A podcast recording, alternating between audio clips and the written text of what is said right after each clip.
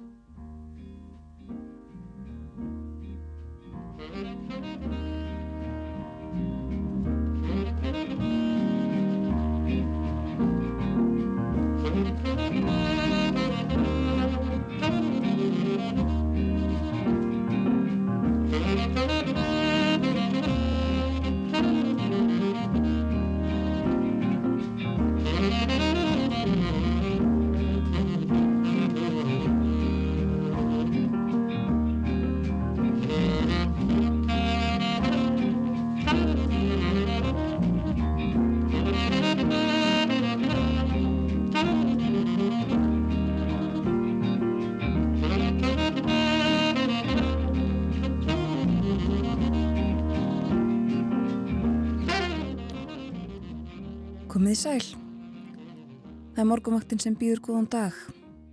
Förstu dagur í dag, 17. februar og klukkuna vantar nýju mínútur í sjö.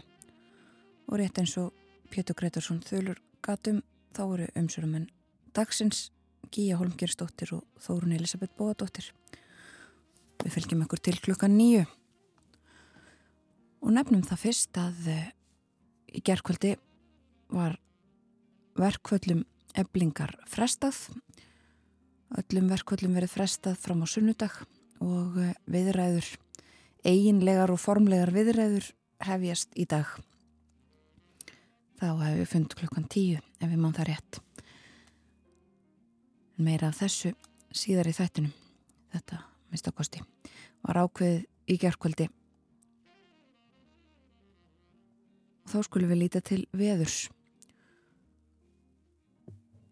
Kortið er blátt. Kortið yfir hitta tölunar á landinu klukkan 6 í morgun. Frost sem sagt víðast hvarum landið það er á einum stað sem að hiti mæltist og það var á höfni hórnaferði. Einstiks hiti þar og nýju metrar á sekundu klukkan 6 í morgun. Og förum ringin frá höfn. Þryggjastega frost bæði á kvískerjum og kirkjubæjaklaustri. 12 metrar á sekundu þar klukkan 6. Einstiks frost og 11 metrar á sekundu á Stórhafða í vestmanniðum og það var 10 steg af frost í Árnesi, hægur vindur þar. Tveggjastega frost og skíjaði í Reykjavík og fjögurastega frost og 1 metri á sekundu á Kvanneri. Tveggjastega frost og all skíjaði Stikkisólmi hægur vindur. Þryggjastega frost á Patreksfyrði og fjögurastega frost í Bólungarvík hægur vindur líka á þessum stöðum fjórastega frost á Holmavík og þryggjastega frost og skíjaði Lillu Ávík. Tveggjastega frost á Blöndósi 6 metrar á sekundu þar.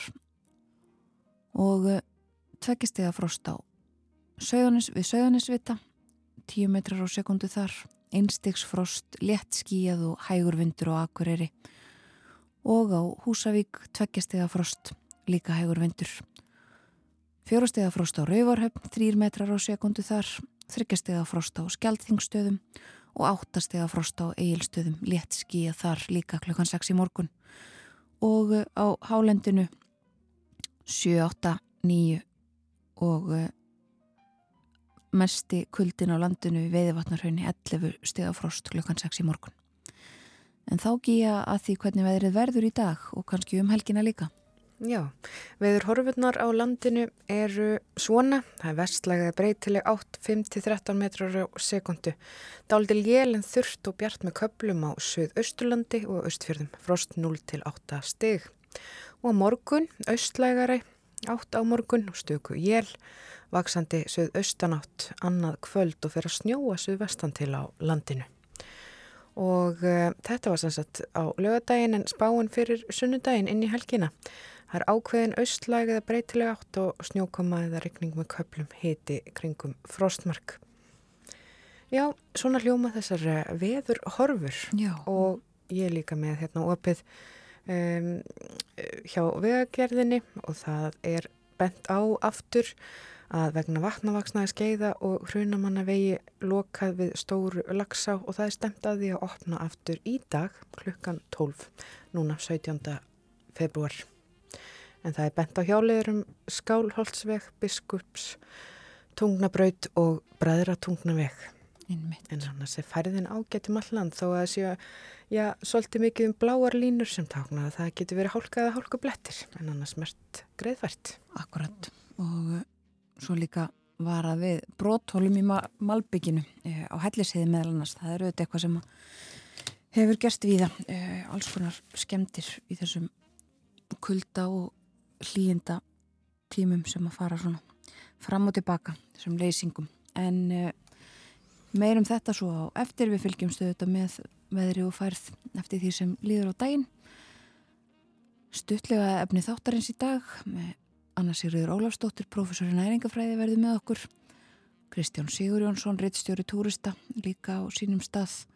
Og svo verður síðasti gestur okkar í dag Þurriður Harpa Siguradóttir formaður Öryrkjabandalagsins Við förum svo nánar yfir dagskrána alla hér á eftir, eftir frettinnar klukkan sjö Við skulum heyra eitt lag, fyrsta lag þáttarins í dag. Það eru Ronettes og eh, lagið heitir Be My Baby.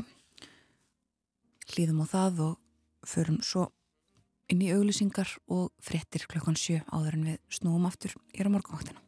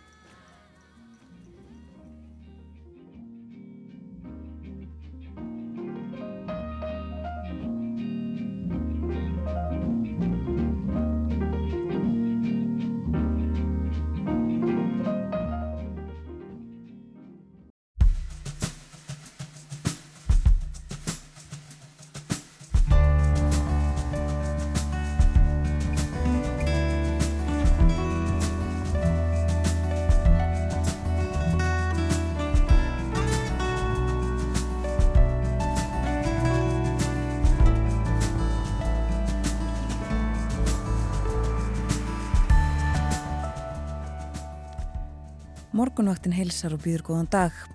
Í dag er förstu dagur, 17. februar og umsjón með þættinum hafa Gíja Holmgirsdóttir og Þórun Elisabeth Bóadóttir. Ráðlaðu dagskamtur er dag, uh, hlutið af dagskrá þáttarins. Anna Sigurður Ólastóttir, professor í næringafræði. Hún verður með okkur klukkan hálf átta. Eftir helgi eru stórir átt dagar, bolludagur og sprengidagur og Anna Sigurður fer meðal annars yfir. Já, núvitund og skamtastarðir. Svo er ferðarspjallið á sínum stað eftir morgun fyrir ettir klukkan átta. Kristján Sigur Jónsson, reittstjóri túrista, segir okkur meðal annars frá stöðu Play, flugfélagsins og líka frá því hvernig gerfigreind getur haft áhrif á alls konar ferðarþjónustunu. Og við förum líka aðeins yfir áhrif verkvallana sem var frestað í gerðkvöldi. Og svo er það samningur saminuðu þjóðuna um réttindi fatlas fólks.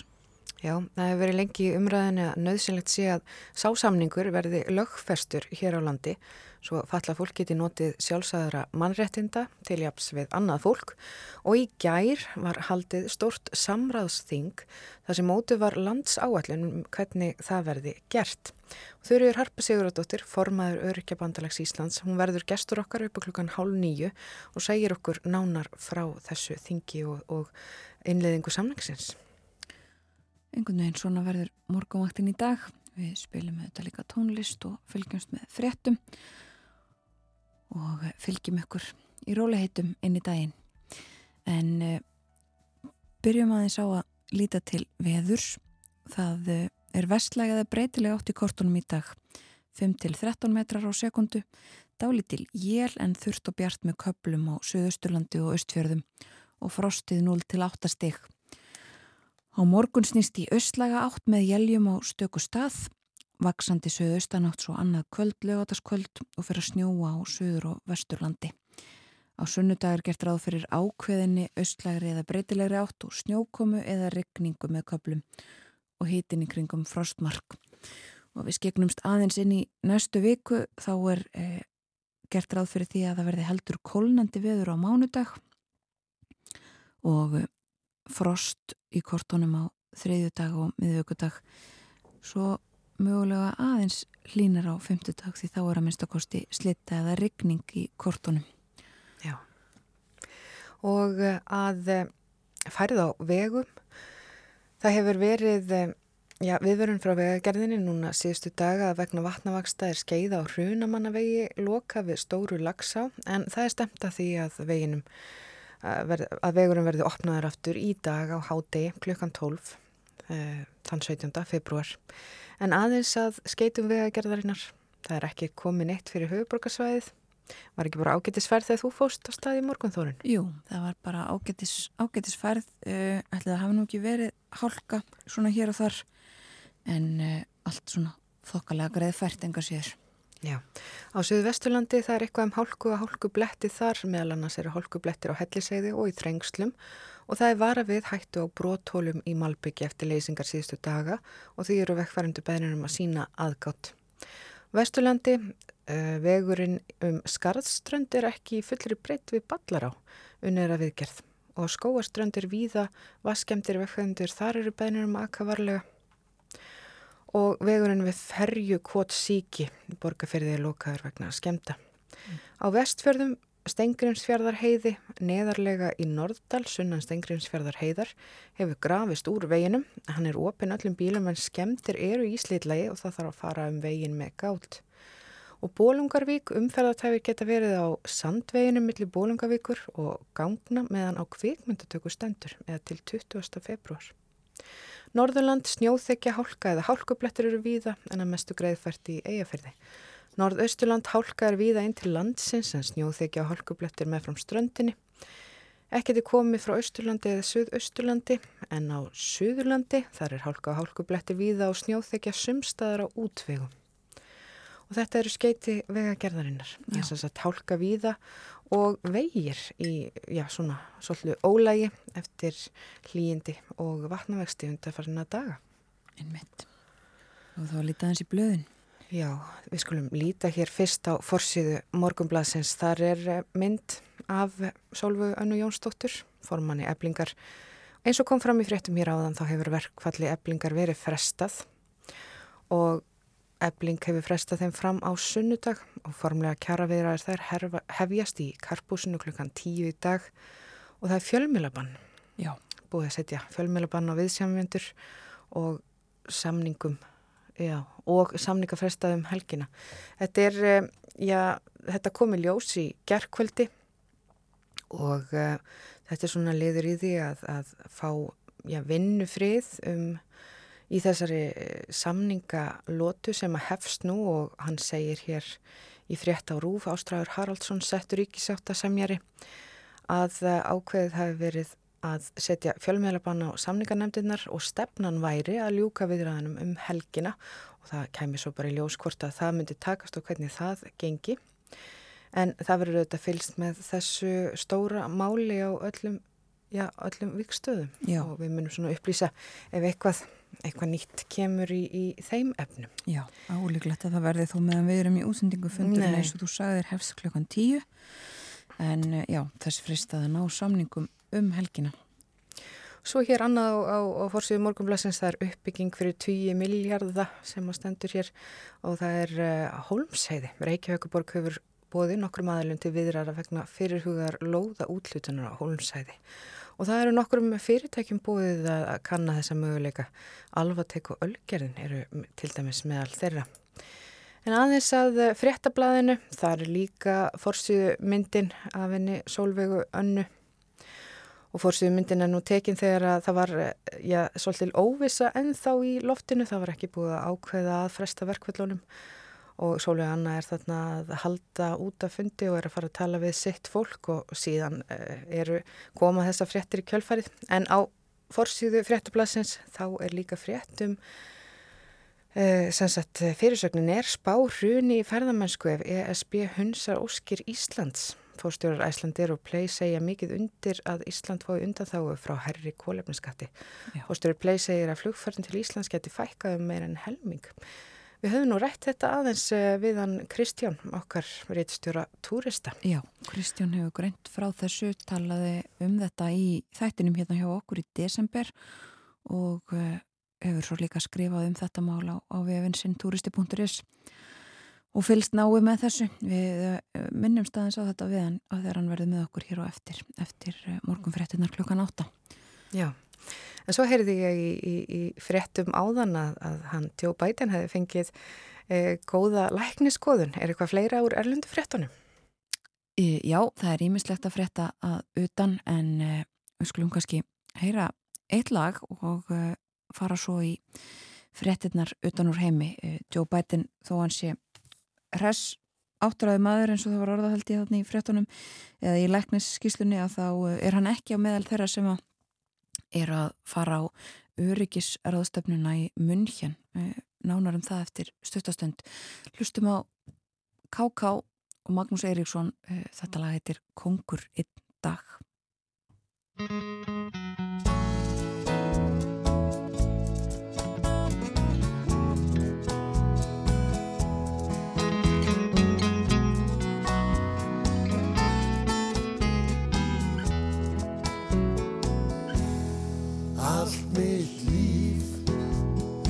andatak í tímans hafi og öll þín tár það týnast eitt og eitt.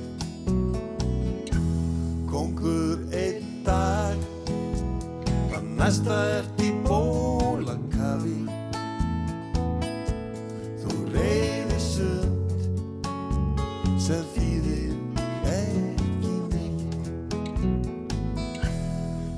eftir sittur sásökin og stundu svo til hamingja. Ef þú skildir finnanna í öllum bænum gríftana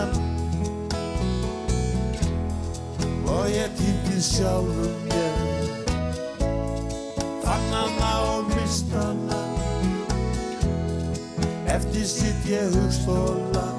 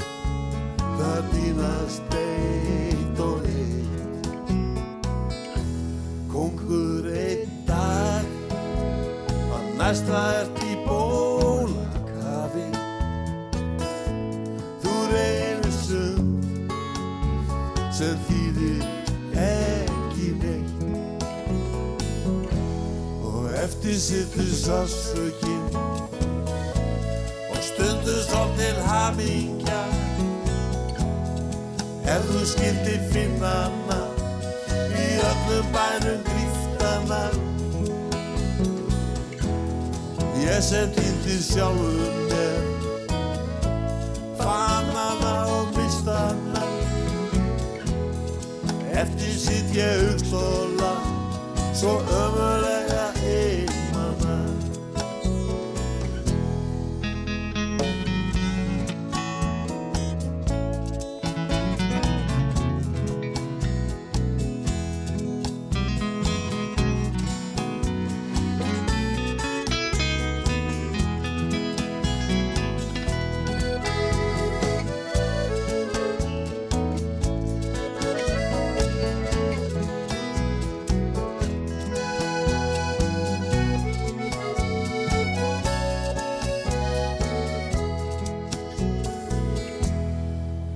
Eftir sittu sásökinn og stundum svolítið hamingja. Ef þú skildir finna hana í öllum bænu griftana ég sem týndi sjálfum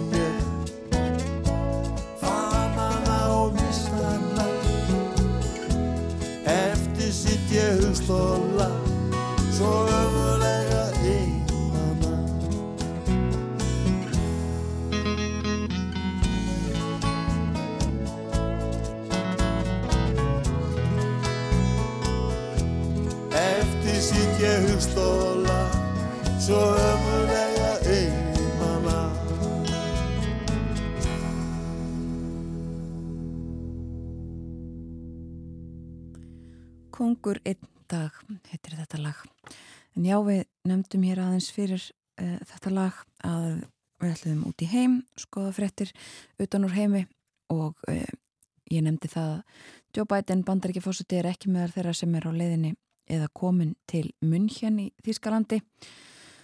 Þar uh, fer fram um helgina öryggisráðstefna, München öryggisráðstefnan sem að haldin er á hverju ári og uh, Kamala Harris varafórsiti bandaríkjana er hins vegar komin þangað fyrir hönd uh, ríkisins og uh, þangað eru líka komnir fjölmarkir aðrir þjóðarleðtóar og hátsettir embætsmenn og talið að frétta getur nú verið að vænta af þessari ráðstefnu um helgina. Eins og yðurlega er um, nefnu það hér að það fjallaði um þetta í fjölmörgum erlendum fjölmjölum meðal annars um, á forsýðun og informasjón í Danmörku þar sem að uh, áherslan og svona kastljósunu er beintað yfir manni þessarar ráðstefnu. Uh, hann heitir Kristóf Hásken var uh, lengi utaríkis ráð, ráðgjafi Angelu Merkel fyrirverandi kanslara Þískalands og það dreyið fram svona í fyrirsögn að hann hafi komið Rúslandi út úr þessum, uh, þessum félagskap þessari ráðstefnu eftir að uh, rússar hafi í raun komið í veg fyrir almenlegar uh, umræður um málefni Úkrænu í fyrra. Þannig var að þessi ráðstefnu var haldin í fyrra 18. til 20. februar var á sama tíma og það er alveg í aðdraganda þess að rússar réðust inn í Úkrænu. Það gerðist eins og lesendur hlustendur afsakið þekkja vendanlega uh, 24. februar í fyrra en í aðdraðandanum var sem sagt þessi ráðstefna og rúsar komið veg fyrir að hægt væri að ræða þau mál uh, svona almennilega en enga síður var Selenski Úkrænu fórsetið þar og þetta var tölver til umfjöllunar hann kallaði þá eftir því þarna nokkrum dögum áður en að rúsar svo réðust inn að það erði grepið til viðskipta þingana og Úkrænumenn fengju aðstóð og nú ári síðar koma leittóar heimsins aftur saman þarna ræða þessi mál aftur veruleikinu þetta orðin allt annar en hann var svo sem þá og Selenski ekki á staðnum, ekki búistu því að hann farið til munn hérna en enga síður munu úkrænskir eh, hátsettir hátsettir menn í Úkrænu eh, ávarpa þessa ráðstefnu. En eh, Kamala Harris verður með ræðu þarna á morgun þar sem hún mun fara yfir eh, stuðning bandaríkjana við Úkrænu og um öryggismáli Evrópu almennt. Eh, Jens Stoltenberg um að NATO mun líka tala þarna sumulegis aðsti ennbættismadur Kína Wang Yi og auðvitaðríkismálastjóri Evropasambandsins Jósef Borrell er líka þarna á mælendaskráni þannig að það verður uh, ábyggilega nóg að gera og nóg að frétta frá Þýskalandi um helgina. En við heyrðum líka í fréttunum hérna áðan að uh, Selenski hefur uh, í viðtali við Breska ríkisúttarpið BBC tekið fyrir það að úkrænumenn muni aðfenda eða gefa eftir einhver landsvæði í Úkrænu í mögulegum friðarsamningi við rúsa. Hann sagði að það að gefa frá sér land myndi bara því að rússar kæmu alltaf aftur og hann sagði líka að þetta áhlaup rúsa, vor áhlaup eins og það hefur verið nefnt sé nú þegar hafið en hefur trú á því að hans herr geti haldið áfram að, að stöðva framgang rúsneska hersins. En svo er það yfirmaður Vagnir hópsins allræmda uh, innan rúsneska hersins sem að líka var í viðtali sem að dreyðir fram í erlendum fjölmjölum og hann segir að bakmút muni falla á næstu mánuðum. Það er þetta mikilvæga svæði sem að barist er um og, og rúsar er að reyna að ná yfir á þeim yfir En já, uh, já. nóga fréttum af þessu öllu saman uh, núna og um helgina og ekki síður í næstu viku þegar að uh, fjölmjölar um allan heim munu svona gera upp þetta ár síðan að innrásin uh, hófst 24. februar og uh, það verður líka hér í Ríkisúturpunni mikil umfjöldun í öllum meðlum en meirum það kannski síðar.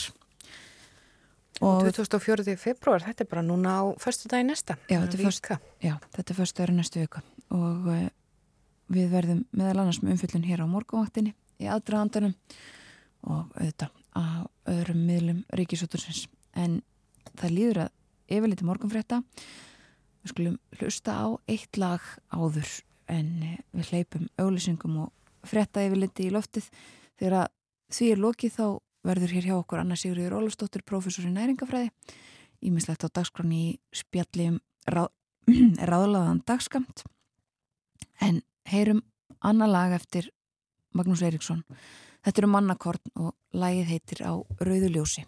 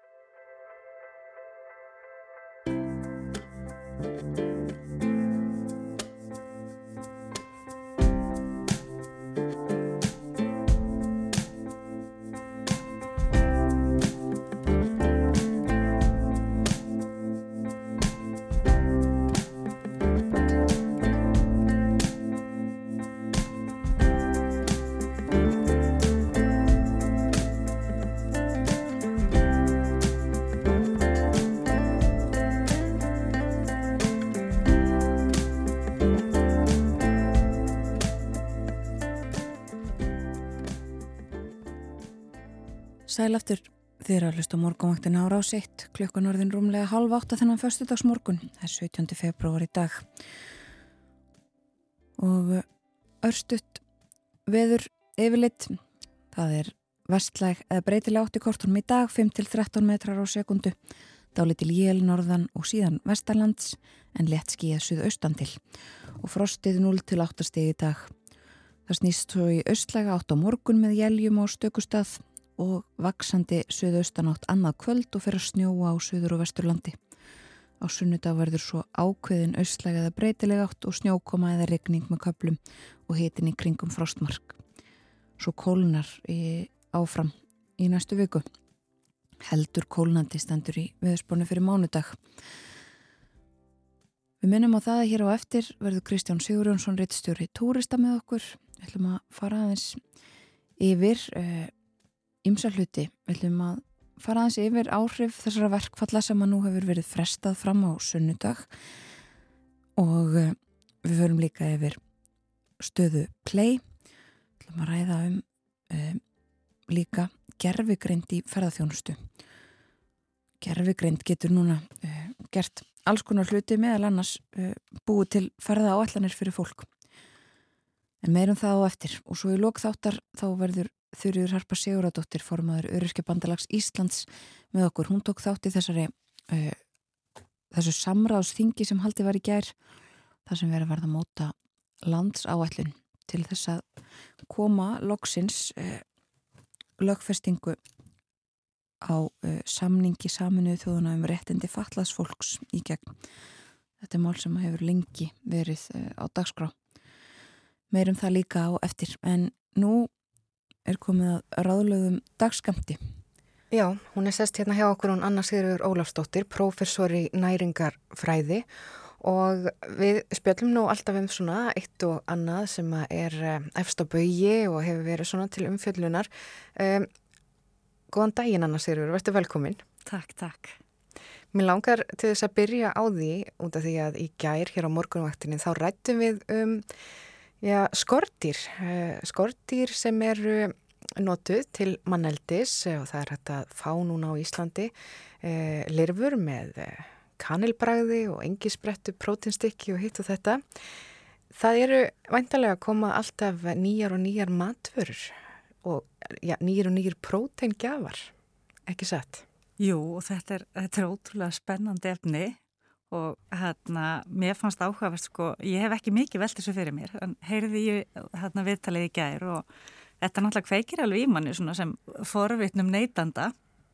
Og hérna það sem er áhugavert er í raun og vera skortir komast svona svolítið á kortið, kortið sem mataræði fyrir hinn vestrana heim fyrir tíu árum síðan þegar það er þá skýrsla frá landbúnaðastofnun saminuðu þjóðuna sem að er að horfa á þessu bara fyrir framtíð matvæla og fæðu öryggis Og það sem er líka áhugavert í þessu samhengi er að á meðan þetta er framandi fyrir okkur að þá er, má segja sko að, að, að skortir hafi verið hluti fæðunar alveg frá öra við alda og í dag er þetta um 2 miljardur manna sem borða einhverjar 2000 mismunandi ætar tegundir skortýra í 113 löndum.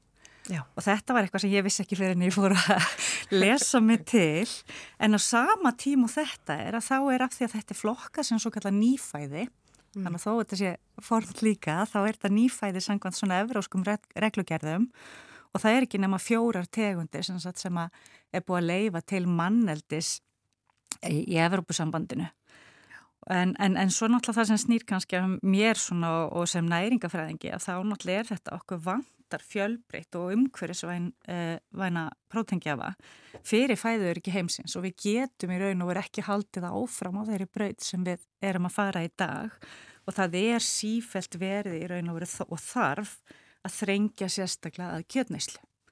Og, og við erum að tala um sko að eins og núgildandi ráðlíkingar segja við hefum borðað hámarki 500 gröma rauði kjött á viku Já. ef við horfum á vistkjerafæði sem er svona umhverjusvætna þá erum við að tala um hámark 100 gröma á viku Já. og það Já. við þurfum í raun og vera að e, borða miklu meira af júrtapróteini sem eru þá linsur og bönir og hnetur og fræ en líka kortvörur og það má ekki gleymast að sko prótein er mjög víða Þannig að, að, að með því að borða blandað hlæði þá sapnast saman ef við fáum alla þær aminosýru sem við þurfum fyrir kroppin. Eh, og, og þarna en á sama tími líka þannig sko að Íslandingar til dæmis það er um 70% þeirra prótingjafa sem við erum að einbyrja er úr dýraríkinu.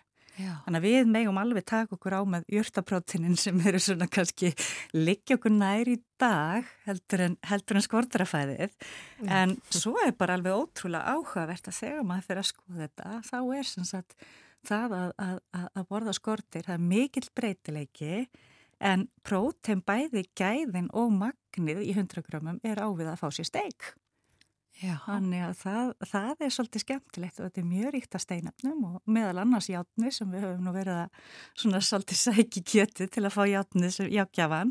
Það er e, mjög breytilegt magna fyttu líka eins og í kjöti að sund kjötu feitt og annar magur nema þetta er svona ómettuð mjúkfita og svo er vinningurinn umfram sko, kjötið að þetta er líka trefja og sévítari mín ríkvara sem er þá ólíkt í raun og veru Já, dýraríkis prótingjöfum, þannig að, að, að þetta, er, þetta er ótrúlega spennandi og býður upp á margt með tilliti til hotlustu ef við erum ekki á kresin, ef við getum lært að borða þetta, en þarna það má líka segja sko, ok, af hverju er þá ekki bara Evrópusambandið að leifa allt og bara go for it að, að þá þarf líka þetta að horfa á að, að það eru bæði lífvirkefni sem geta verið skadaleg geta verið þungmólmar og skortirætur og svo geta verið ofnamisvaldar þannig að mm -hmm. þetta er ekki svona þú veist bara blátt áfram heldur er maður alltaf að hugsa líka um atvæla öryggið.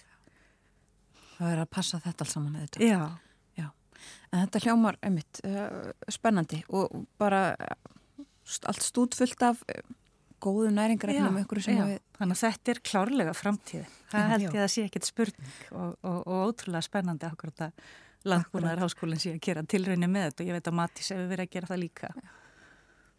Þetta er spennandi en, en þú talaður um að, að, að já, það er kannski ekkit allir voða tilbúinu til þess að byrja að borða skortýr og, og þá fer maður að hugsa um svona alls konar eh, já bara þróun á matnum sem við borðum og líka bara e, svona kannski fælni við, við ákveðna fæðu eða, eða ákveðna áferð. Já, já og hérna ég, ég er náttúrulega stund að sjálf mest rannsóknir á svona fæðutengdri hegðun og hérna eitt af svona stóru verkefnunum okkar já e, mínu samstagskonum og, og, og hópi ef við verið sem sagt rannsóknir á matvendni og einn tegund af matvendni er svo kvöldi fæðu nýfælni og það er að segja að þetta kallast á ennsku fútníofóbia og það er bara hluti af af því að vera með einhvers konar eh, matvendni eða fælni sem getur falist í þá í raun og veru þessu að, að við séum að takast á við eitthvað sem er framandi.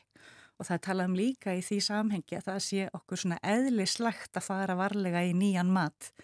Og það sé meðal annars svona viðbrað líkamanns til þess að breyðast við þessu að að geta sko spýtt matnum út og verið ekki búin að borða mikið áður og kemst að því eitthvað sé kannski ekki gott fyrir þig. Sem við ofnæmis eða heitur efna völdum. Þannig að, að, að þetta er ótrúlega skemmtilegt og hefur svolítið sterkast skýrskotun í, í, í þarna skortýrafæðið og það eru rannsóknir sko við, við höfum nú bara verið að fást við það að reyna að auka neyslu á akkurat jörtaprótinum og, og, og græmitu ávestum almennt. En það er, er ekki náma 2% þjóðarinnar sem eru til dæmis að fá ávestaskamtinn sinn En þarna, en svona sambarilegar aðferðir, okkar verkefni heiti bræðlöka þjálfun en þetta er oft talað um þetta sem sagt uh, food-based sensory education, það er að segja að þú ert að nota öll skinnfærin til að kenna og læra og upplifa mat. Og, þarna, og þetta hefur verið nota svolítið sambarilegar aðferðir okkur til að prófa sig áfram í rannsóknum á því hvernig eh, sérstaklega ungmenni taka því að, að, að smakka og prófa að sjá fram með skortýr og þar er áhugavert að sjá sko að þetta er þetta sama, þú þart að fá að snerta, þú þart að fá að þefa, þú þart að fá að hlusta. Og mm. svo er það í raun og veru þetta að smakka. Og auðvitað er þetta fyrsta skrefi hjá flestum sem er kannski hindrin í þessi hjá okkur í dag að það er hvernig það lítur út.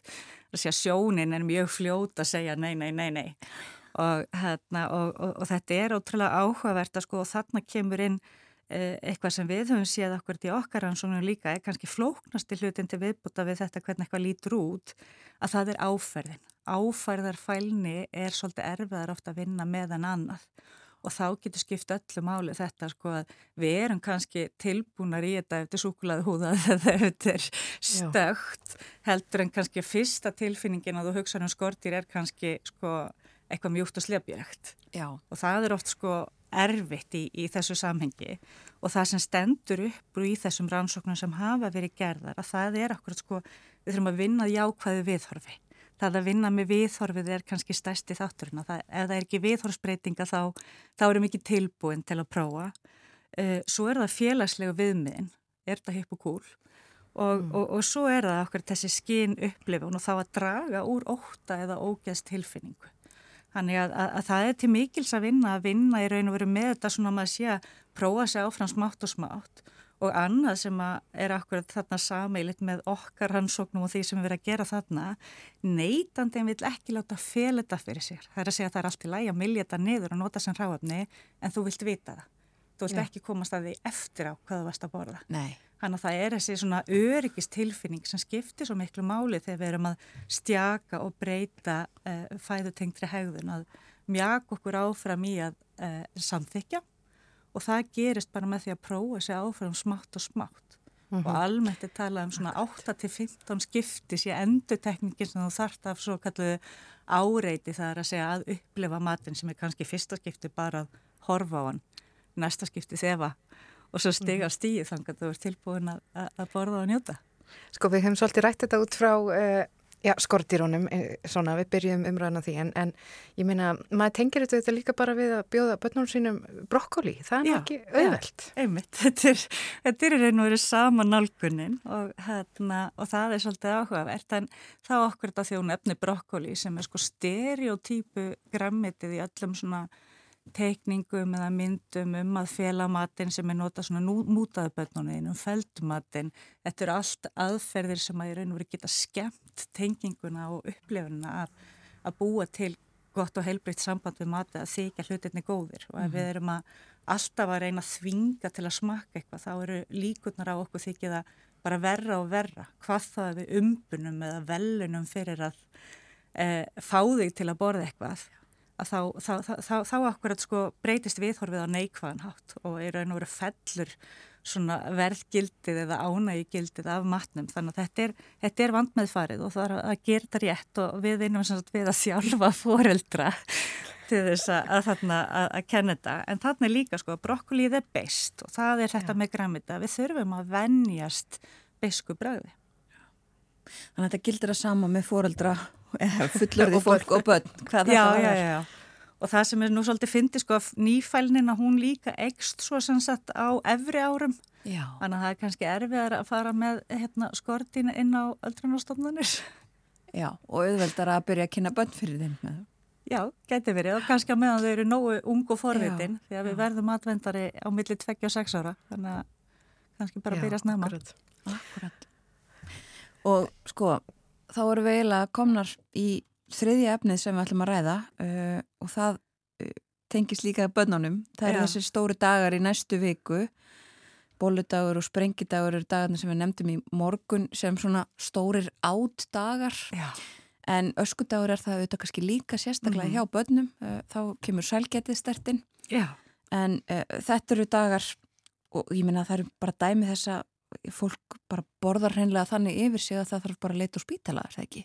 Ég, nú hef ég ekki skoðað þessi Ég held að hafa sér fyrir um það svona á liðnum árum. En, en sko okkur, þú talar um þarna þrjá daga? Og það eru þetta svona, ef við bara horfum á er, eirnamerkingu dagana, þá er þetta þrýr dagar og þrýr dagar myndur að segja af 365 væri ekki stórmál. En við erum okkur að horfa að við erum stöðugt eiginlega að vellaun okkar og, og, og, og upplefa þar sem matur er ótrúlega rauður þráður í gegnum í raun og vera alla tilitaga hjá okkur. Og ég fór að velta þessu fyrir mér þegar töluðum bollutna við mig að sko við vorum með bolluvönd á bolludaginn. Hversu margi föndraðan það bolluvönd eða taka þátt í því. Uh, öskudagurinn, sko slá köttin úr tunnunni þá var talsvægt minna nammi þar heldur en þau færði að sníkja. Eh, ég ólst upp við þetta að sauma litla öskupóka og hengja eftir á fólk. Ég veit ekki hvort börnum mín vita hvað það er einu sinni. Þannig að við verðumst halda í sko það sem er fæðutengt miklu meira heldur en aðrar svona menningatengtar hefðir. Og ég veldi fyrir mér hvort það sé ekki svolítið þetta að þetta er markaðstrifið. Þarna er mm. gríðaleg velta og ég var að reyna að finna tölur um sko hvað er bakað mikið, hvað er selt mikið af bollum. Og, og, og svona sko fréttir í gegnum árin virðast vera að þetta sé svona 1 til 1,5 miljón af bollum sem eru sko bakaðar og seldar. Og þá er eftir sko bollurna sem við bökum heima. Og, og þá erum við að tala um sko að þetta sé á bylunu kannski 3 til 5 bollur á mann og það er ekkert verið að borða á einum degi þannig að þetta er líka okkur, þetta fer úr þremudögum í að vera kannski sko heil vika sem við erum að upplefa Já. og að þetta er ekki bundi við sko einhverja svona sko einhvern eitt stað eða eina aðtöfn heldur eru bollur þá til dæmis út um allt. Þú ert með bollur í vinninu, þú ert með bollur í skólan þú ert með bollur þú kemur heim. Svo verða heimsækja vinnað þín að ömmuðin og þá er líka bollur. Og, og þetta er kannski svona það sem við þurfum að horfa á sko og mér fannst mjög skemmtilegt ég held að það séu svona fimm ár síðan og þá ákveð þarna sagði ennbætti landlæknir sko njótið einnar bolli í núvitund. Og það er þá aftur svolítið eins og þetta sko með uh, skinupplefanir að ef við gefum okkur að því að njóta, gefum okkur tíma en mingum skamtana og við erum bara hófstilt og þá þurfum ekki að hætta þessu og það er enginn að tala um að taka af okkur þessar skemmtilegu daga. En það má alveg hugsa að það er talað um að í dag sko þá séu svona tillidagur og öðruvísi dagar hjá okkur í tengslu með mat kannski sko upp undir hundrað Þannig að það er orðið eitt fjórð af árinu sem, að, sem að við erum bara að halda upp og eitthvað með mat. Og það er auðvitað sko, það, þetta var gaman og matur okkur, þetta er sko, eh, matur og minningar eru til dæmis svo bara nátengt og bollurnar, það er svolítið skemmtilegt að tala um bollur og skortir sama daginn því að þeir eru þarna með sko örgi og uh, gleði og þeir eru með vini og fjölskyldu, þetta eru félagsleg norm í raun og veru að að, að vera með í þessum dögum.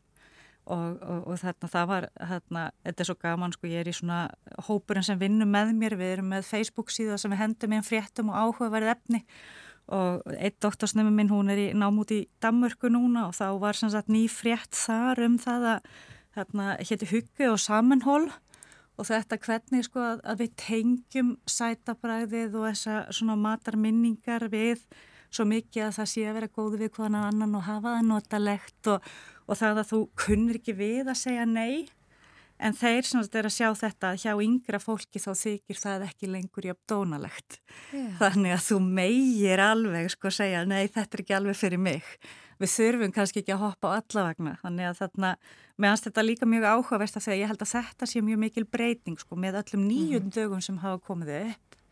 Hversu lengi leifa allar hefðirnar En ég ætla ekki að taka af ykkur bólurnar, ég lofa því. Nei, en, en svo er þetta, þetta áhugavert, við höfum nú talað um föstur hérna áður. Eh, svona þessir þrýr dagar tengjast auðvitað að þetta er upphæfið af lunguföstu í kristninni. Þannig að fólk var að sprengja sig áður en að það myndi svona, já, lifa naum, naum lífi, já, og, en maður segja þannig. Og ekkit kjött til páska, sko. Þannig að þarna getum kannski bara skellt okkur yfir í skorturinn á meðan fram að páskum. Akkurat, það, það er nú önnur af svona, svona kannski gömlu já. sem við Já, en, en sko ekki gleyma því að því að þetta með sprengidægin sko að, að það er alltaf talað um saltkjöti það er saltkjöt og mm. bönir, bönir þetta er einna fáum dögum þar sem við erum að tala um bönir, fyrir þetta kannski grænar bönir með þetta hangikjötinu en sko hérna bönasúpan sem slík ef við mingum saltið Já og þetta er náttúrulega bara frábært og hérna gaman að fá okkur að þegar við þurfum að vera döglir í bönunum. Ymmi, þannig að það má alveg borða bönasúpuna, má, má færa bönasúpuna út og borða hana fleiri daga. Já, og skella róum og, og, og gulróðum í. Já, akkurat, ymmitt og sko þannig að við megum alveg borða bólur en þú nefndir þetta með að borða eina bólu í núvitund. Já. Mér finnst það svolítið ymmitt þetta, við erum auðvitað ofta að borða á einhverjum hlaupum og einhverju hugsunleysi. Já og bara grípum af því okkur þetta fyrir framann okkur og af því að, að, hinnir er að borða og þannig eins og ég segi þessi svona sko erum að tala um að því að eins og ef við horfum á heilsu þá er það sko líkamleg, andleg og félagsleg heilsa. Og það er hlut af þess að þau erum alltaf að tala um að við viljum hafa gott samband við mat og það að hafa heilbritt fæðu uppeldi að þá skiptir svo miklu máli að vera ekki alltaf með einhvern svona, það eru svo algengur í dag svona heilsu kvíði og þetta hvað má og á og má ekki borða og einhvern bóð og bönn að, að það er okkur sko bólurna getur svo sannlega verið hluti af sko félagslegri heilsu en þær geta líka orðaði félagslegum þrýstingi þannig að það er í raun og þetta hvernig sér þú hlutina og það að, að, að sko einstaklingsmiða sitt fæði og, og, og, og sínar langanir að þetta sé ekki alltaf þetta við séum að einhverji skildurækni. Og hvernig getur við, bara ef einhverju hlustendur núna er að veltaði fyrir sér, er eitthvað svona sem við getum gert með einfjöldum hætti til þess að svona ebla núvutundin okkar Já. í því að borða, í, í svona tengslu við mat? Herði, ég veit nú að inn á sko helsuveru þá er til dæmis um hérna núvitund og það er rúsinuæfingin svo kallaða okay. sem er svona þekkt æfing til þess að æfa sig að vera í núinu og finna og upplifa og, og, og þetta er líka sko þarna við horfum á núvitunduna og, og skortýra átt að þá akkurat sko að því að hluta þessu er að upplifa án þess að vera með sko aðeins að, að, að dæma. Það er sér að gefa sér tíma til að vera í raun og vera að meta hlutlust og bara vera að velta hlutnum fyrir sér Já. og þannig að þá skoðaru og, og þetta er okkur nátengt í raun og verið því sem við erum að gera eins og í bræðleikafjálfunum þetta að, að nota öll skinnfærin, vera á staðnum mm -hmm. Og það er eiginlega alveg ótrúlega hvað við erum ofta ekki á staðnum með uh, hugan þegar við erum að borða og það er eitthvað sem ég held að við getum sko breytt mjög miklu í mataræði þjóðarinnar ef við værum bara svolítið meira á staðnum þegar við borðum Já. ekki alltaf að lefu Akkurat Takk fyrir í dag, Anna Sigurður Ólafsdóttir, professor í næringafræði. Gaman að vera með ykkur. Gaman að fá þig.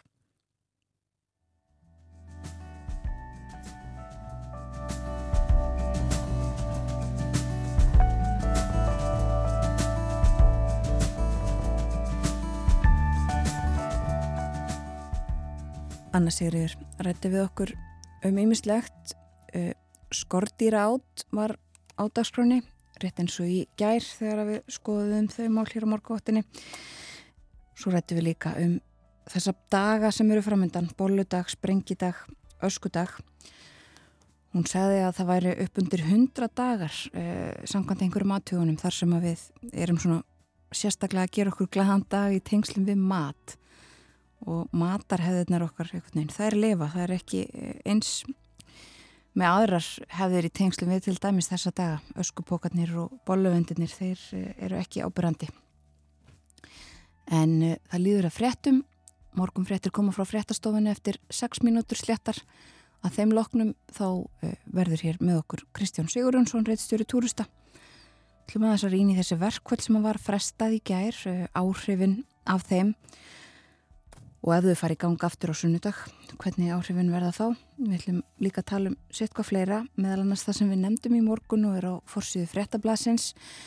Varðandi uh, þessar undanþáur frá herri kólefniskatti sem að, uh, eru í umræðinni Kristján hefur fylst náðu með því máli undanfarnar mánuði og uh, segir okkur frá. En nú leipum við frettastofinni að, frettir næstar á dag frá morgunvaktarinnar og svo snúum við aftur með Kristjáni og svo í lokþáttar þurriður Harpa Siguradóttir formaður Öryrkibandalagsins.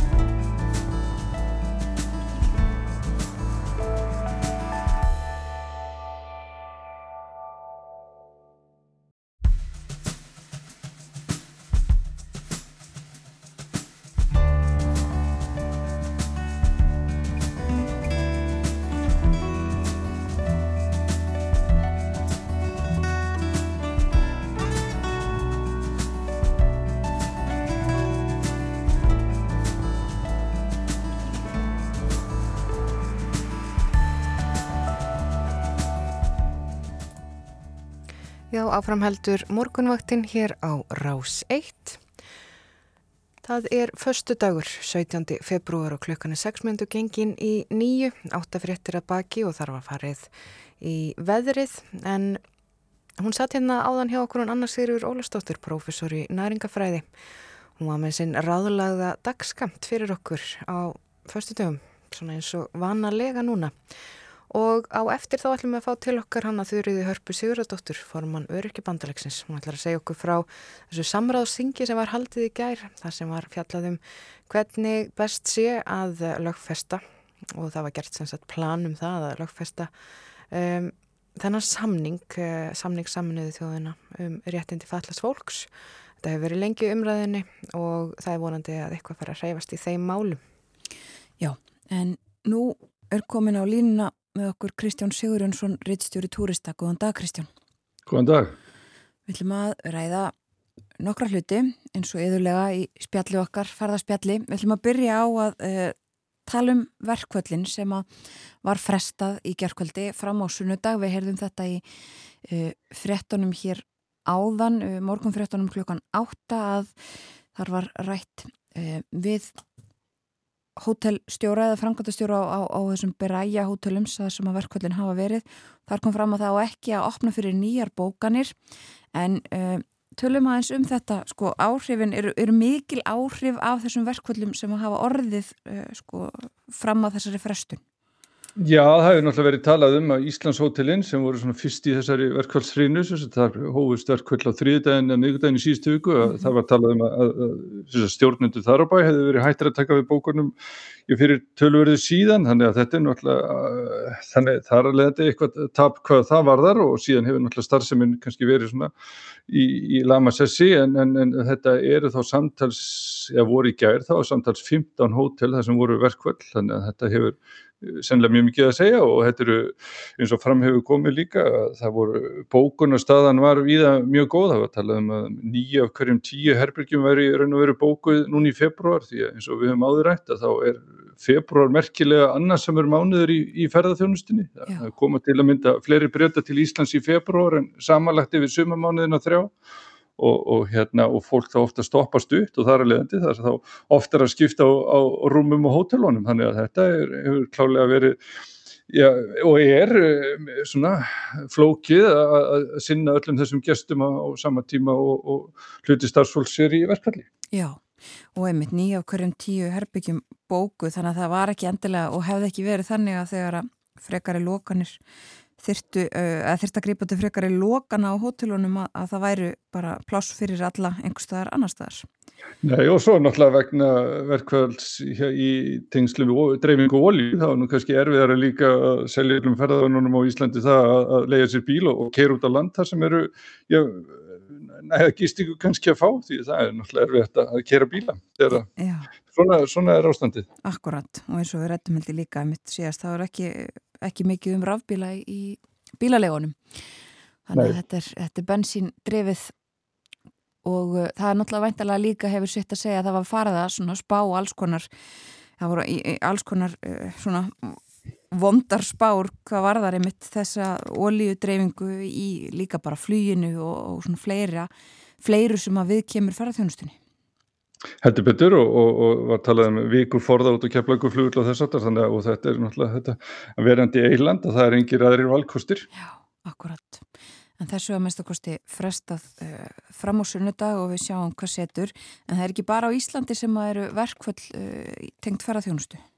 Nei, í Þýskalandi liggja ég alltaf flugsamgöngu niður í dag vegna verkvæls starfsmanna á, á helstu flugvöldum landsins og, og ég sé til dæmis inn á heimasíðu Frankfurt flugvöldla sem er nú sannlega stærsti flugvöldin í Þýskalandi að þar er, er, er verið að beina fólki bara í, í hérna, lestarsamgöngur í staðin, flugleiku niðri. Þannig að þetta er svona einstaksverkvæl sem hefur mjög mikil áhrif í Þýskalandi í dag. Já, einmitt og ég sé það hér en á vef í Savi að Einmitt, uh, flugi Æslandir til bæði München og Frankfurt í morgun uh, hefur verið aflýst. Það er vantanlega tengist þessu. Jújú jú, og svo er það þekkt í fluggeranum að á vorin fara franskir flugumferðarstjórar í verkvöld og það er vantanlega vona á einhverju svo leiðist. Það er alltaf, það hefur verið fastu liður í mörgar. Já, akkurat. Það er, viðar enn á Íslandi þar sem að, þar sem að kjaramál eru í deglunni.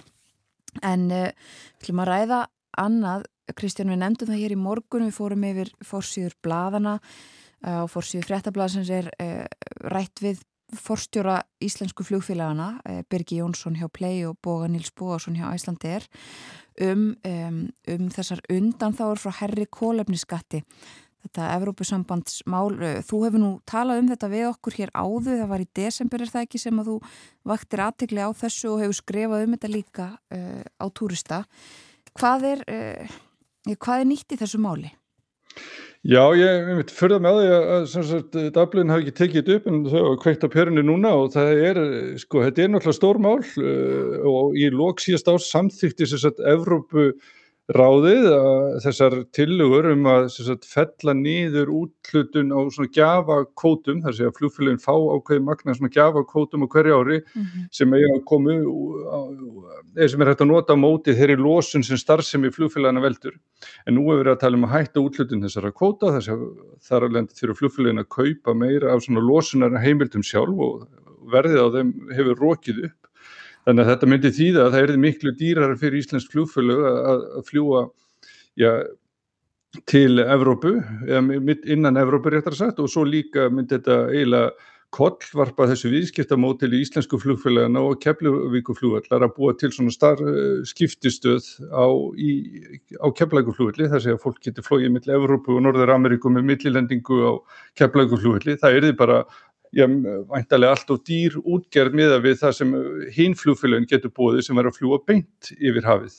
Að, og það sem er nýtt í þessu er að, að nú er það aðeldaríkja Európa-sambansins að, að, að samþykja þessa reglur á sínum þingum og, og svo þarf að finna leið til þess að innleiða þessar Evropasambansreglur á EES-svæðinu og norska dagblæðið fjallan það held ég síðustu viku að Íslandingar í hugðu að beita neitunumvaldi sínu og það er þá í fyrsta skipti sem að eftaríkin eh, beitti neitunumvaldi gagvart einhver Evropasambanslögjöf og þetta er stórmál því íslenski ráðamenn hafa náttúrulega eins og Katrín Jakobsdóttir fórsættisráðara hefur svona reynd að hérna, útskýra sérstöðu Íslands í þessu fyrir ráðamennum í Evropasambandinu og og hérna, en ennþá er það þá þannig að Ísland svona verður að finna leið til þess að sannfæra ráðamenn í Evrópu og, og bandamenn okkar um að sérstað Íslands er þessi, við erum eiga langt út á hafi og, og það er sér ekki hægt að leggja auknar álugur á, á samgöngur okkar.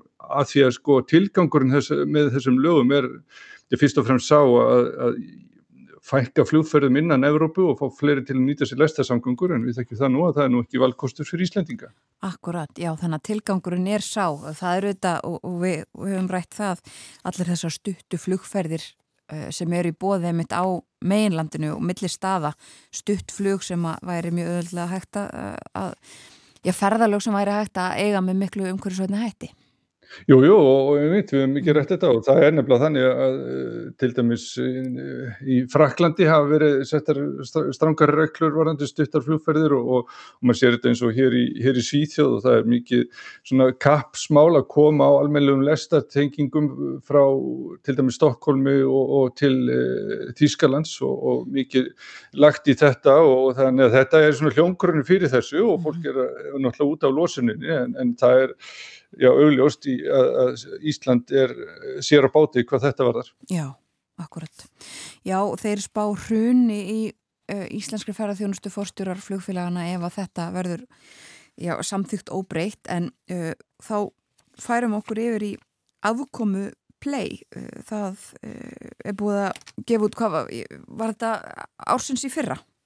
Já, sem sagt, á mig Byrjugardaginn kom uppkjör play fyrir allt árið 2022 og nýðustan var þá ég tap upp á 7,5 um miljard íslenskar krónar sem er náttúrulega miklu verri afkoma en gert var ráð fyrir þegar að play var að kynna sig fyrir fjárfestum sumarið 2021, þá var nú reikna með að strax á öðru ári, það er að segja 2022 er því hagnaður en, en við sjáum það þarna að það hefur verið á brattan að sækja og, og, og stjórnendur félagsins vísa náttúrulega til þess að þegar þeir voru að fara í loftið þarna í, í júni 2021 þá var svona, var vonast til að COVID heimsvaraldurinn væri svona vendamarkið en það reyndist svo ekki vera og svo hækkuðu náttúrulega, hækkaðu olíuverð gríðarlega eftir innrás rúsa á Úkrænu fyrir árið síðan og þannig að olíukostnaðurinn sem við vegum mjög þúnt í rekstri flugfélaga, hann var miklu herri en, en gert á ráð fyrir, þannig niðurstafan var þetta 7,5 miljardur í, í tap en á,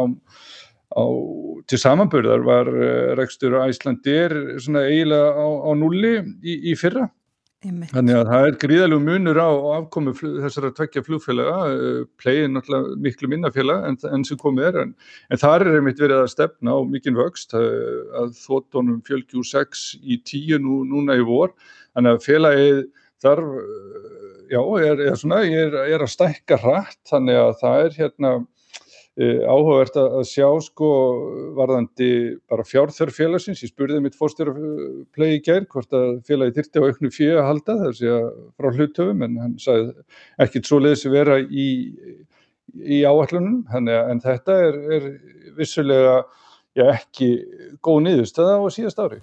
Nei, akkurat en sem sagt engan bilbug á play fólkinu að finna.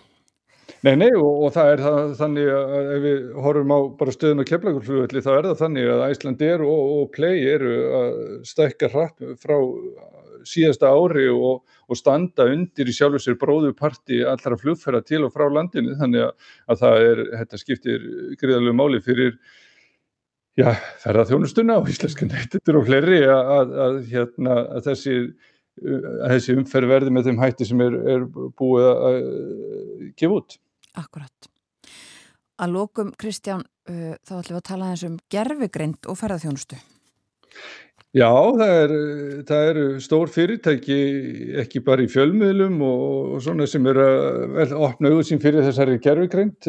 Heldur eru ferðarþjónustan líka átt að sjá því að þarna er möguleiki að sækja sér auðveg, með einföldum hætti efni sem tengist ferðalögum bara með því að mata þessa gerfikrind með einhverjum smá upplýsingum og þá færðu full kláraðan texta og, og og jáfnvel að vera hægt að, að hérna, fá að, hugmyndir frá þessari, þessum hugbúnaði um, um hérna ferða tilhugun, ef þú ert að fara til Rómar í viku eða, eða hérna, til Íslands, þá getur þú fengið kannski svona tilhugur um hvað er skemmtilegast að gera og þú getur mata maskinuna með allskynns hugmyndum og, og, og þetta kallar á ákveðna tilvistakreppu hjá vefsíðum eins og til dæmis TripAdvisor Eh, sem hefur verið lengi verið mjög stórt í þessu að, að það getur leitað eftir umsögnum annara ferðamanna um hitt og þetta, hótel, veitingastæði og afþringu en núna kannski verður þörfin fyrir svoleiðis upplýsingar að heyra eitthvað hvað einhver Jón Jónsson í útlöndum fann, fannst um einhver veitingastæði að, að áhugið þinn á því kannski mingar þegar þú getur kannski leitað í eitthvað svona gagnagrunn sem getur búið til heilstæðari Uh, ferðaáallun og jafnvel, uh, ég sparaði bara tíma og, og þetta fórstjóri TripAdvisor viðkynir það að þetta er eitthvað sem að það, hans fyrirtæki verði svo sannarlega að horfa til. Akkurat, já, merkilegt, það er svona, svona tæknin, smígurinn, víðar en við kannski gerum okkur grein fyrir á hverjum degi. Já, það verður kannski gerðurkennindir sem stýri ferðalægin en ekki Lonely Planet eða TripAdvisor eftir nokkur ár. Akkurat. Takk fyrir í dag Kristján Sigurjónsson. Við heyrumst aftur að tveimur vikum liðnum. Takk fyrir mig. Heyrum þá eitt lag, hlustum á Elton John. Þetta er Rocketman. She packed my bags last night pre-flight Zero hour, 9 a.m. And I'm gonna be high as a kite by then.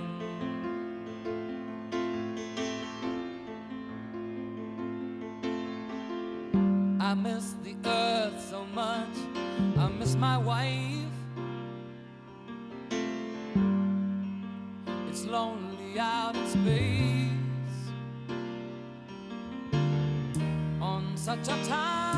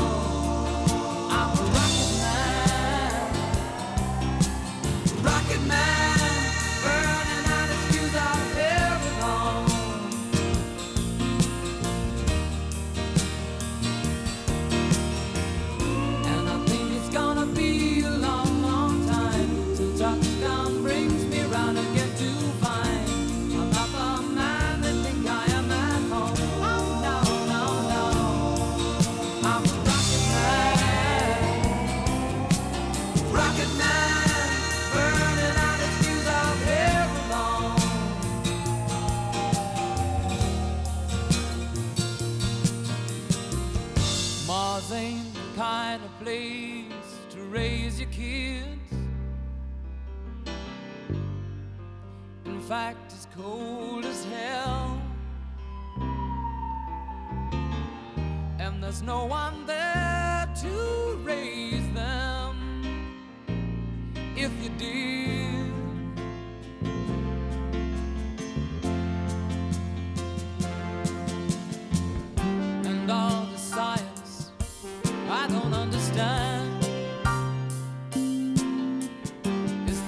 jaw.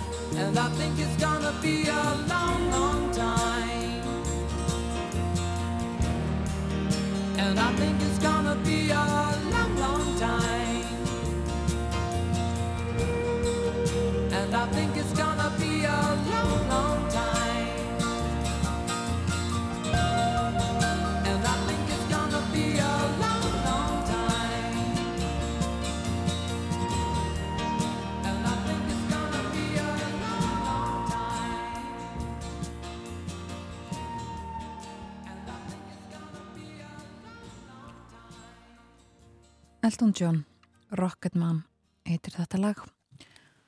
Upprunarlega af plötu sem heitir Honky Chateau frá árinu 1972 51 ára þessu ári sem sagt síðan að þetta lag kom út. Kristján Sigurjónsson reittstjóri túrista var með okkur hér áðan. Fór yfir ímislegt eh, sem við kemur ferðamálum. Við rættum um verkvöllin sem að búið er að fresta í byli og eh, afkomu play Svo rættum við um þessa losunar kvóta hjá Evrópusambandinu og eh, það sem að fórstjórar flugfélagana íslensku höfðu að segja um þau mál í dag í frettablaðinu líka. Kristján hefur fylgst náið með þessu máli síðustu mánuði og uh, svo rættum við um gerfugrind í lokin. Það er þannig að uh, nú er hægt að láta gerfugrind búa til ferða áætlanir og fórstjóri TripAdvisor meðal annars svona viðkjönd það að þetta geti verið áskorun. En það líður yfirleiti morgunfrétta hjá okkur hér á morgunvaktinni, það kemur eftir tæpar 5 mínútur. Svo verður með okkur þurriður Harpa Siguradóttir, formaður Örkibandalags Íslands. Við ætlum að ræða við hana um þessa landsáætlun sem að búið er að hleypa á stokkonum um, varðandi samning saminuðu þjóðana um réttindi fallasfólks. Meirum það eftir nokkra mínútur. Sæl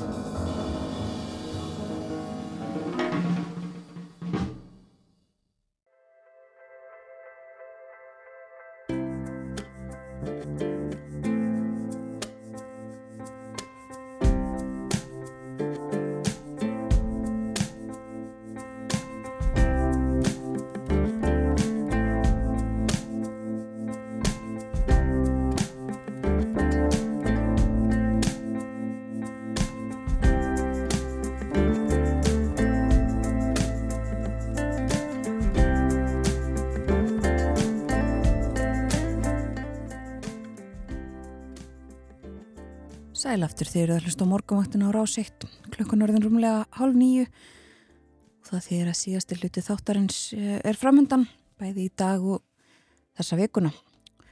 Lítum örsnögt til veðurs.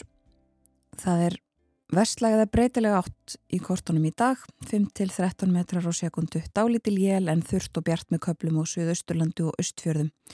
Frost 0-8 steg í dag.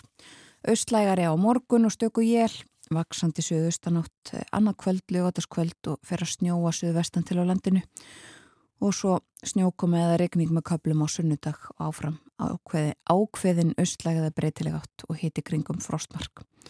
Svo fer heldur kólnandi á mánudag. En hér áðan var Kristján Sigurjónsson reyðstjóri túrista með okkur saði okkur frá ímsögur við kemur ferðamálunum og við komum meðal annars inn á þessi verkvöld sem hefur verið frestað og við hefum heyrt af í fréttunum og fyrir morgun var Anna Sigurður Ólafsdóttir, professor í næringafræði gestur okkar eins og venjulega þessa uh, síðustu förstudagsmórna.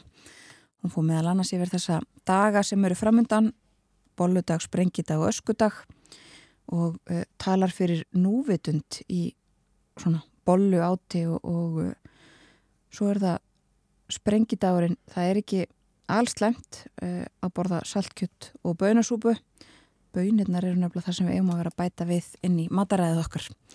En meirum mataræðið og næringu síðar nú að allt öðru. Já, næst er það samningur saminuðu þjóðana um réttindi fatlas fólks. En í gær það var haldið stort samráðsing þar sem fjalla var um lands áallunum að lögfesta þennan samning. Yfirskrift þingsins var ný framtíð og þar var viðstött og tók meðal annara til máls. Hún þurriður Harpa Sigurðardóttir, formaður Örykjabandalags Íslands og hún er hinga komin. Ertu velkomin þurriður? Já, takk fyrir. Svona fyrst, áður en að við ræðum þingið og það sem þar kom fram, þá langar mig aðeins að byrja þið bara að segja okkur stuttlega frá stöðunni sem er á samningnum í dag. Hvar er, uh, hvar er þessi samningur stöttur? Samningurinn var ég segja, fullgildur hérna 2016 og hann er í innleðingaferli skulum við segja. Það er verið að reyna að aðlega greinarnar, eða stjórnvöldur í, í því að aðlega greina samningsins inn í íslensk lög þannig að það er komið til að hafa uh, merking og meiningu þegar að þær verða uh, sérst, einhvern veginn settar inn í lögin og þarna verið að taka til til fallarsfólks uh, og, og, og þeirra og aðstæðana sem það býr við bara á öllum sviðum daglags lífs má segja Og, og hérna og þetta er bara daldi stort verkefni. Þetta eru 33 greina sem eru bara mjög mísjafnar allt frá því að við erum að tala um uh, töluleg gögn yfir, yfir, yfir aðstæður og, og, hérna, yfir falla lík hvort það er, í, er í vinnu hvernig, veist, og hvernig lífið þess er háttað. Þessi gögn vantar mjög stórum hlut og við hefum til dæmis ekki handbær þar að vera að spyrja okkur uh, út, í, út til dæmis hvað eru margir uh, einstaklingar með reyfihömlun á, á, á atvinnumarkaði, við höfum ekki hugmyndum það. Já, já.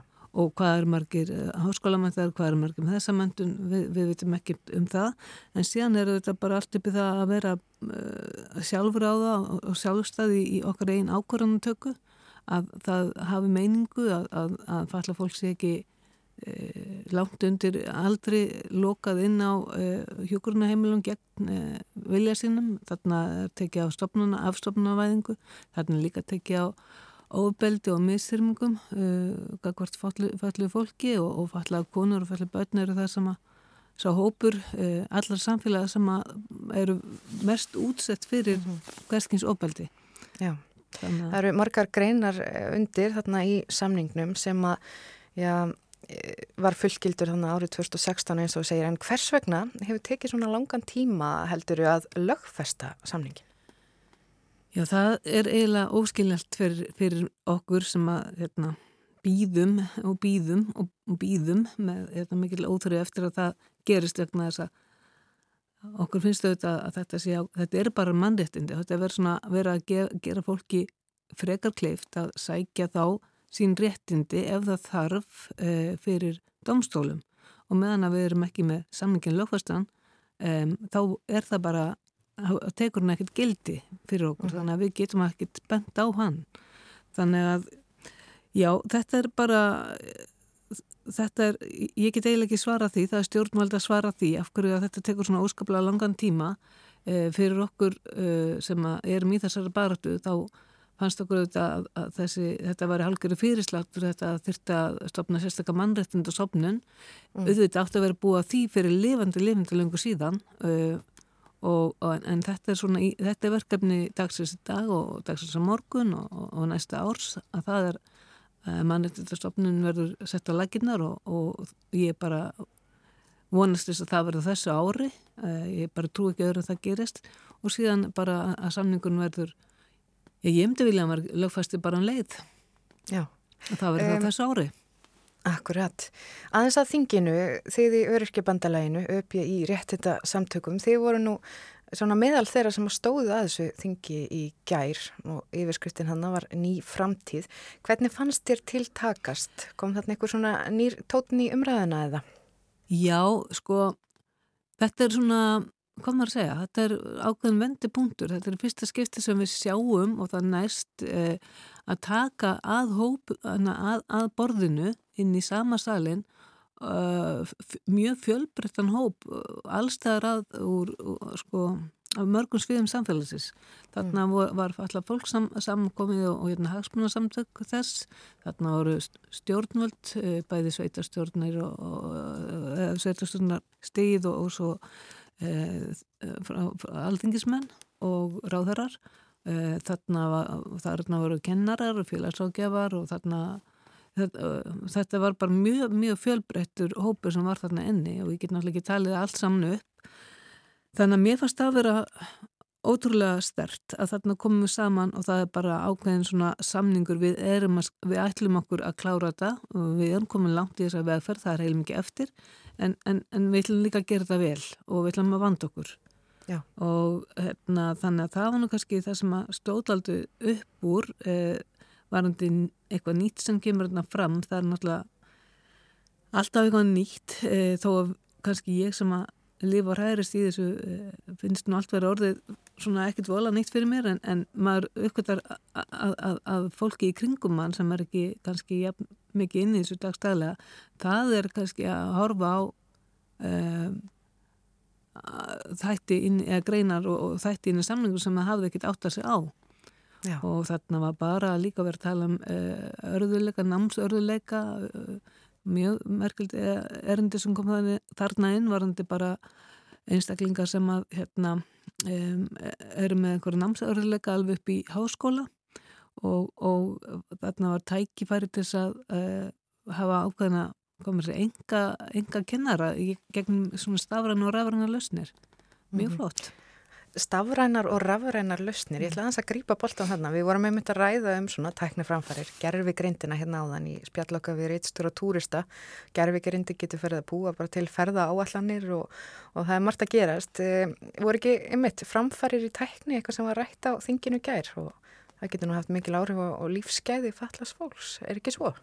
Jú, og þetta hefur náttúrulega haft áhrif og við sjáum í dag að, að hérna, það eru ákveðinu hópar sem að verða enn eftir þegar við erum að tala um teknileusnir og hérna gerum við ekkit í dag, við förum ekki inn á engabankan okkar, við förum ekki inn á, inn á hilsuveru, ekkit inn á neitt nefn að vera með e, auðkynningsnúmer og ræðran skilriki og allt þetta sem þarf og þetta er bara, þetta er bara hluti, bara framlenging af okkur sjálfum.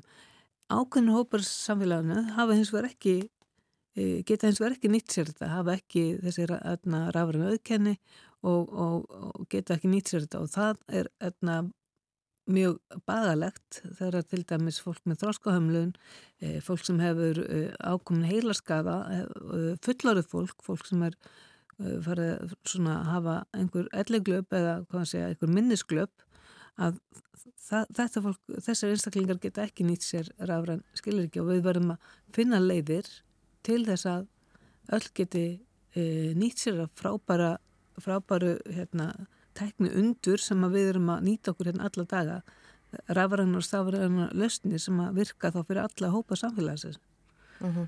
og þetta þarf sko, ég held að segja algjörlega það var svona rætt í gær að, að, að það sem að skiptir þá mestu máli, máli er að fatla fólk og þessir ákvæmna hópar sem að til dæmis hafa orðið eftir núna að þeir séu teknir inn í samtali og þeir séu uh, þau sem að notenda prófa og, og, og hérna ja. og eru höfð með það því að það er ekki takt að vera hanna lausnir fyrir ákvæmna hópa án þess að hafa það með. Það er það sem við höfum svona lagt ríka áherslu á. Akkurat. Eh, en segðu okkur nú aðeins, eh, þetta er þetta svona landsáallunum að, að þessi samningur, samningur saminuð þjóðanum réttindi fallarsfólks verði að lókum lögfæstur. Hver eru svona næstu skrefin í ferlinu? Við vorum að gera, í gerð kom fram margar áhugaverðar tillögur uh, inn, við, við allar greinar samsins. Það voru 100 og ég man ekki 30 tillögur sem komaða fram sem eru uh, okkur langar til að verða verkefnum, sem þurfa að verða verkefnum til þess að uh, samningurinn hafi það gildi og það vægi sem þarf að hafa. Og það þýðir það að, að, að það, hérna, það voru held ég bara flestir sammála um að fræðsla væri það sem að þurft að ganga yfir allt samfélagið. Og þarna erum við að tala um að, að til dæmis að menta e, alls konar fagstittir eða fólk sem er að læra inn í háskólanum að það mm. taki ákveðnar hérna, ákveðin e, skildu nám í, í ákveðnum föllunafræðum sem er bara hann á settu fyrir þá þannig að fyrir þær e, stettir. E, það er líka að kennarar e, fái ákveðna mentunvarandi bara nálgast e, börn með, með hérna, fölli börn og, og, og, og þetta, þetta og líka e, heilbyrjastjettir, e, löggeslan, dómarar, þetta er allt, þetta er svona mikil vitunduvagnin sem þarf að fara fram á öllum sviðum en í alla, alla króka og kema e, samfélagsins og þannig að verði raunverulega viðhorsbreyting og, og við hættum að tala um við og þið, við falla mm. fólk og þið ófallaða fólkið af því að við erum allstaðar falla fólk, við erum hluti samfélagsins og við erum í alls konar stöðum og alls konar störfum og, og, og í alls konar hlutverkum hvort sem að eru fóreldrar eða hvort við erum nemyndur eða hvort við erum rekum alþjóðlega fyrirtæki eða hvort við erum að vinna á, á hérna, þessum sjálfbóðarleðar eða, eða inn í eldúsi á landsbytalanum með einhverstara annar staðar. Já, þannig að þarna við þurfum einhvern veginn að komast á þann stað að þetta við séum ekki einhvern veginn afgangsstærð heldur séu bara eðlur og sjálfsagt hluti samfélagsins og eins og við höfum svolítið alltaf verið og auðgum það og erum uh, af því við erum um hverjum degi að finna, finna til dæmis lausnir við ýmsum hindrunum sem við verðum fyrir. Akkurat. Mér langar svolítið að, að, að þú bendir okkur svona á augljósa nú svona þeir sem að uh, þurfu ekki að berjast uh, svona fyrir réttundum sínum fatta kannski ekki alveg sko þessa mikilvægi þess að þessi samningur verði lögfæstur. Um, Hverju myndi það til dæmis bara í einhverjum einföldum dæmu breyta fyrir líf fallast fólks að þessi samningur er þið lögfæstur og verði? Já, það er stortið spurt. Já, það breytir það svo, svo ótrúlega miklu. Sko. Við erum að, við höfum stundum talað um að, að þegar einstaklingur fæðist, að þá fæðist um ákveður réttindi sem bara þeir eru útlutaði sem stjórnarskar varin. Þú, þú, þú ferði gegnum batnasku og, og, og, og hérna, þú óttur rétt og ferðin í skóla.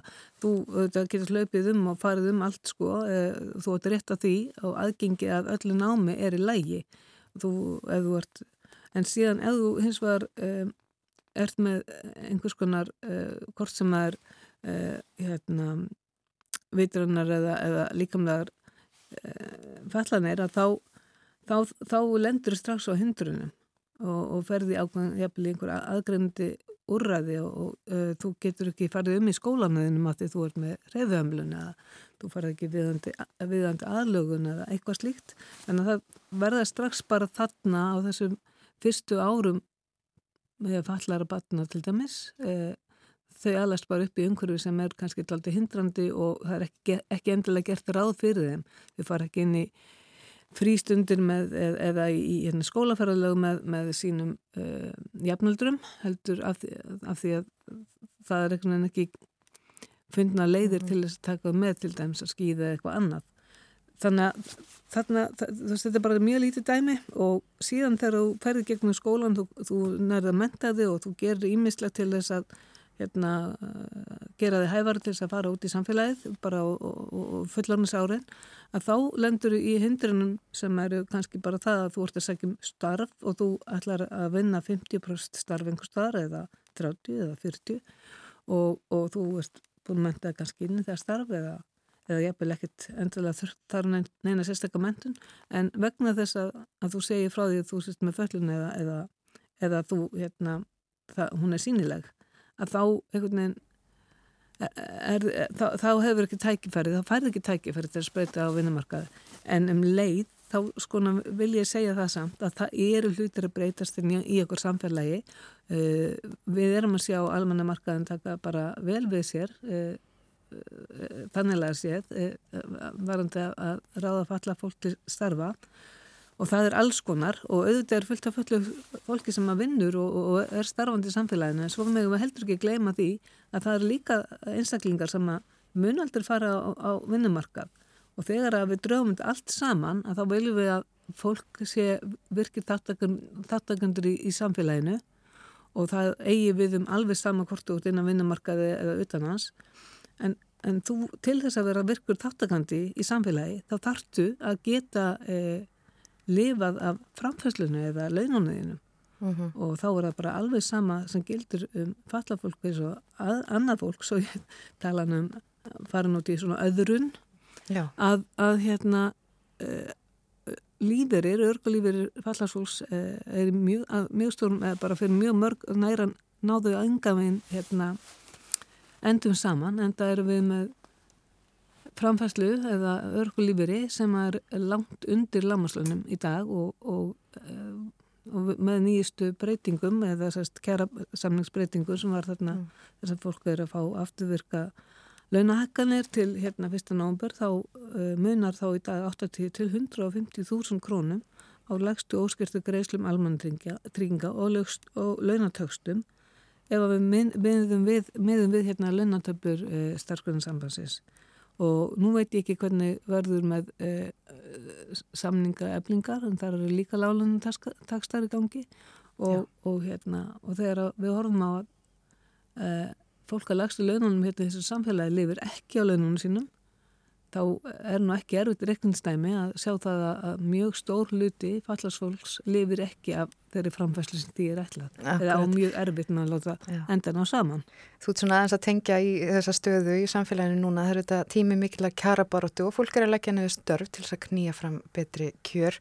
Það er nú ekki jafn einfalt fyrir alla hópa að einfallega leggja niður störf sín til þess að knýja fram kjarabætur eins og þú minnst á.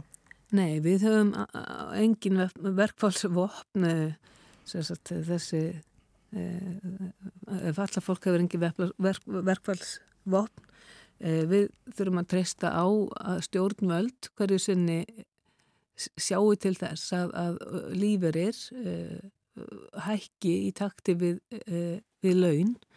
Og því miður hefur það ekki gengið eftir og, og hérna ekki síðan 2008 þá voru, 2007 var hérna, var örgulífur að pari við lámarslun jafnvel þeir sem að mest höfðu þeir voru jafnvel örlíti herri en í mm. dag er, er þetta orðið stór hluti sem er langt undir lámarslunum og það þýðir það að fólk auðvitað í dag hefur hérna e, á erfitt með að borga leigu þá er erfitt með húsnarskosna þá er erfitt með að e, verða sér út um mat og ég tala ekki um bara fatnað og ýmsleita náð þess vegna sjáum við líka meiri ásokn uh, í, í uh, hverskins matargjafir og, og, og hjálpa samtök.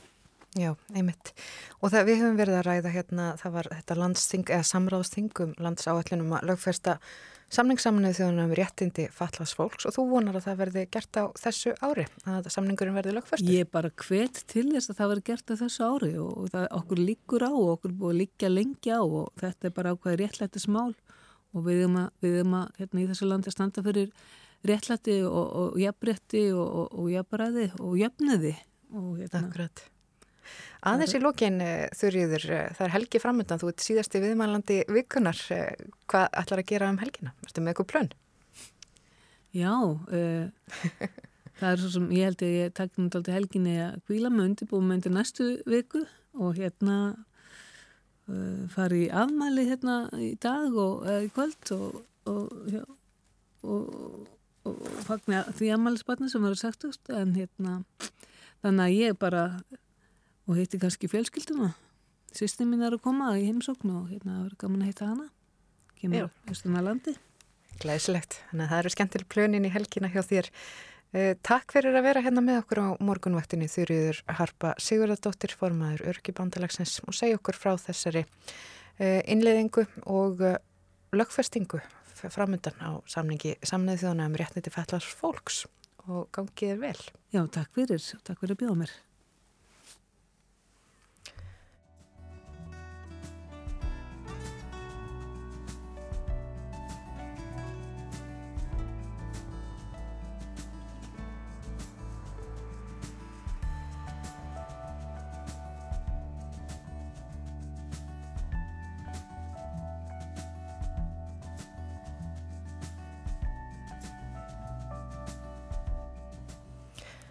Já, eins og ég sagði, það er síðasta viðmælandi okkar, var hún þurriður Harpa Sigurðardóttir, formaður Örykja bandalagsins, búin að fjalla náið um, uh, já, þennan samning saminuðu þjóðana, um uh, þá áallun, um að lögfestaloksin þennan samning, samning sem var undirreitaður vist árið 2007 en fullgiltur árið 2016 og svo þarf að lögfesta samningin svo að mannréttindi uh, séu í, í lögum. Akkurat og hún vonasti þess að þetta verði klárað og kvatti til þess í lokin að uh, þetta erði, erði gengið í þetta á þessu ári. En morgunvaktin er að ljúka í dag og þessa vikuna, ég ætla að nefna eitt hér í lokin. Uh, Jóko Óno, fjörlustakonan, er nýræð á morgun. Uh, fólk lætur sér ekki bregða við það að þriðarsúlan verður tendruð á amalistægin á morgun. Þannig að hún mun lýsa hér í Reykjavík á morgun. En Þessu er að ljúka hjá okkur í dag hjá morgumvaktinni lokið. Við verðum hér aftur á mánudagsmorgun. Morgumvaktinni er á dagskrá alla virka daga. Hefst þegar að klukkuna vantar svona um það byrj 10 mínútur í sjö og stendur til nýju alla virka daga. Við þökkum samfélgina í dag og þessa vikuna. Já, verið sæl. Og goða helgi